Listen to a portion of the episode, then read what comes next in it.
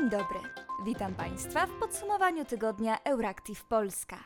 Dzisiaj opowiemy między innymi o napięciach na linii Azerbejdżan-Armenia oraz o decyzji USA w sprawie akcesji Finlandii i Szwecji do NATO. Nazywam się Patrycja Gosk, a w wirtualnym studiu jest też Bartosz Sieniawski. Wydawczynią podcastu jest Kinga Wysocka. Pływający pod banderą Sierra Leone masowiec Razoni jest w testowym rejsie, który ma poprzedzić pełne uruchomienie szlaku morskiego z Ukrainy dla transportu żywności w świat. Jednostka przejdzie teraz kontrolę. Razoni wiezie w swoich ładowniach około 26 tysięcy ton kukurydzy, która docelowo ma trafić do Libanu. Jednostka wyruszyła w trasę 1 sierpnia. 2 sierpnia późnym popołudniem dotarła do Stambułu. Tam, w myśl dwóch porozumień zawartych w lipcu, statek przejdzie kontrole przeprowadzone przez Wspólne Centrum Koordynacyjne, które powołano z udziałem ONZ, Turcji, Ukrainy i Rosji. Jeśli wszystko pójdzie zgodnie z planem, niebawem może ruszyć pełny transport ukraińskiej żywności w świat. Obecnie gotowy jest do tego port w Czarnomorsku i stamtąd wypłynął masowiec Razoni. Ale niebawem gotowy ma być też port Piwdenyj oraz ten najważniejszy, w Odessie. Daje to nadzieję na poprawę sytuacji żywnościowej w Afryce czy na Bliskim Wschodzie, ponieważ to tam głównie eksportowana była ukraińska żywność. Zawirowania na rynku m.in. zboża i oleju słonecznikowego sprawiły, że ceny żywności znowu wzrosły. Zakłócenia w łańcuchach dostaw istnieją już od czasu wybuchu pandemii COVID-19. Kraje szczególnie zagrożone obecnie kryzysem żywnościowym to Afganistan, Erytrea, Mauretania, Somalia, Sudan, Tadżykistan i Jemen. Gazprom odmawia przyjęcia od Niemiec turbiny dla gazociągu Nord Stream 1. Powodem, jak poinformował Gazprom za pośrednictwem portalu Telegram, są sankcje USA, Unii Europejskiej i Wielkiej Brytanii, a także niezgodność sytuacji z obecnymi zobowiązaniami kontraktowymi ze strony Siemensa. Wysłana do naprawy przez Atlantyk i zwrócona do Niemiec po prawie miesiącu negocjacji międzynarodowych turbina jest gotowa do wysłania. Nie ma żadnych przeszkód po stronie niemieckiej, powiedział w środę kanclerz Niemiec Olaf Scholz. Jest pozwolenie z Niemiec, Unii Europejskiej, Wielkiej Brytanii, Kanady. Nie ma z tym żadnego problemu, podkreślił Scholz, odwiedzając fabrykę Siemensa w Mülheim an der Ruhr, gdzie turbina była serwisowana. Przypomnijmy, że Rosjanie przekonywali, że bez tej turbiny gazociąg Nord Stream 1 nie będzie mógł pracować, więc Berlin przekonywał władze w Ottawie do zawieszenia części sankcji, by dostawa z naprawy w Montrealu była możliwa. Wówczas Gazprom ocenił, że psują się kolejne turbiny i przez sankcje nie można ich konserwować, więc dostawy po przerwie technicznej z początku lipca spadną. Krytycy rosyjskiego koncernu wskazują, że ogranicza on dostawy gazu od roku, podsycając w ten sposób kryzys energetyczny. Celem Rosjan miałoby być sparaliżowanie wsparcia Europy na rzecz Ukrainy zaatakowanej przez Rosję.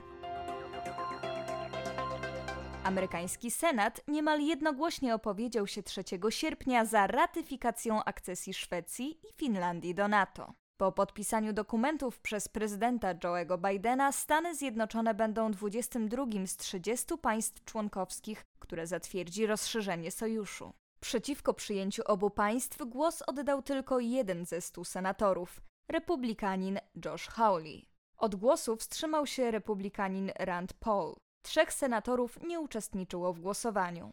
Ponadto do ustawy dołączono poprawkę z apelem do państwa sojuszu o spełnienie wymogu wydatków na obronność na poziomie 2% PKB. Ratyfikowane przez Polskę protokoły akcesyjne dotyczące rozszerzenia NATO o Szwecję i Finlandię trafiły 3 sierpnia do amerykańskiego Departamentu Stanu. Złożył je tam Marcin Przydacz, który prowadził w USA również rozmowę na temat wzmocnienia bezpieczeństwa Polski i wschodniej flanki Sojuszu Północnoatlantyckiego. To historyczny moment, Sojusz rozszerza się i przyjmuje dwóch nowych członków, podkreślił polski dyplomata. Wielka Brytania zakończyła dwumiesięczne testy czterodniowego dnia pracy. Wyciągnięto pierwsze wnioski. W trwającym 8 tygodni eksperymencie w ramach półrocznego programu, prowadzonego przez badaczy i organizacje pozarządowe, wzięło udział około 3300 pracowników. Był to największy tego typu program pilotażowy w historii. Uczestniczyło w nim 70 firm, które na dwa miesiące skróciły pracownikom czas pracy o 20%, a więc z 5 dni do 4. Większość pracowników, którzy zostali objęci eksperymentem, przyznaje, że ma pozytywne wrażenia w związku ze skróceniem tygodnia pracy. Mogę dzięki temu naprawdę cieszyć się weekendem, bo piątek mogę przeznaczyć na swoje obowiązki. A jeśli chcę na przykład zabrać mamę na spacer, mogę to zrobić bez poczucia winy, wskazuje Lisa Gilbert, kierownik do spraw usług pożyczkowych w Charity Bank. Jej zdaniem czterodniowy tydzień pracy to fenomenalna zmiana. Co ważne, skrócenie tygodnia pracy może, ale wcale nie musi oznaczać wolnego piątku. Model czterodniowego tygodnia pracy zakłada, że pracodawca może ustalić jako dzień wolny dowolny dzień tygodnia, byleby suma dni pracy wyniosła 4.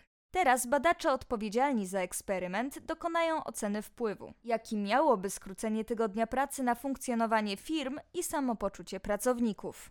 W Polsce plany wprowadzenia pilotażowego programu czterodniowego tygodnia pracy zapowiedział w ubiegłym miesiącu przewodniczący Platformy Obywatelskiej Donald Tusk. Były przewodniczący Rady Europejskiej obiecał, że w przypadku zwycięstwa PO w następnych wyborach parlamentarnych osobiście zaproponuje, żeby rozpocząć program skróconego tygodnia pracy jak najszybciej. Polska jest krytykowana za podwójne standardy pojawiające się na jej wschodniej granicy. Z kryzysem uchodźczym ze strony Ukrainy poradziliśmy sobie wyjątkowo dobrze, ale z kryzysem na granicy z Białorusią już niekoniecznie. Wnioski specjalnego sprawozdawcy ONZ do spraw praw człowieka i migrantów rzucają nieco więcej światła na tę sprawę. Felipe González Morales przybył do Polski i Białorusi w lipcu, aby przyjrzeć się sytuacji panującej na granicy obu krajów. Sprawozdawca zwrócił uwagę na to, jak Polacy dobrze ugościli u siebie Ukraińców, początkowo umożliwiając im podróżowanie darmową komunikacją, nadając numery PESEL, umożliwiając korzystanie z opieki medycznej i ogólnie wpuszczając ich na teren swojego kraju. Morales podkreślił istotę tego, że pomoc Ukraińcom możliwa jest w dużej mierze dzięki hojności indywidualnych osób, co w dobie inflacji jest tym bardziej szlachetne. Tymczasem sytuacja ma się zupełnie inaczej na granicy z Białorusią, gdzie od ubiegłego roku trwa kryzys uchodźczy dotyczący osób uciekających z Bliskiego Wschodu. Choć wszyscy zostali przyjęci przez Polskę i otrzymali pomoc od państwa, obywatele państw trzecich nie są chronieni w tych samych ramach prawnych co Ukraińcy, mimo że także uciekali przed wojną, napisał w oświadczeniu González Morales. Osoby w szczególnie trudnej sytuacji, w tym te o nieuregulowanym statusie migracyjnym, mają znaczne problemy z uzyskaniem zezwolenia na pobyt i odpowiedniego schronienia, zauważył. Według organizacji humanitarnych po obu stronach polsko-białoruskiej granicy dochodziło do łamania praw człowieka, w tym do tzw. Tak pushbacków, polegających na nielegalnym wypychaniu ludzi na drugą stronę. Napięcia na polsko-białoruskiej granicy trwają już od roku. W sierpniu 2021 roku grupa około 30 uchodźców z Afganistanu poprosiła o azyl w Polsce, ale nie otrzymała zezwolenia ani na wjazd do nas, ani na powrót do Białorusi. Afgańczycy zmuszeni byli koczować na granicy bez prawie żadnej pomocy z zewnątrz. Od strony Polski tereny przygraniczne zostały objęte także stanem wyjątkowym, który uniemożliwia wjazd działaczom humanitarnym, dziennikarzom czy sanitariuszom.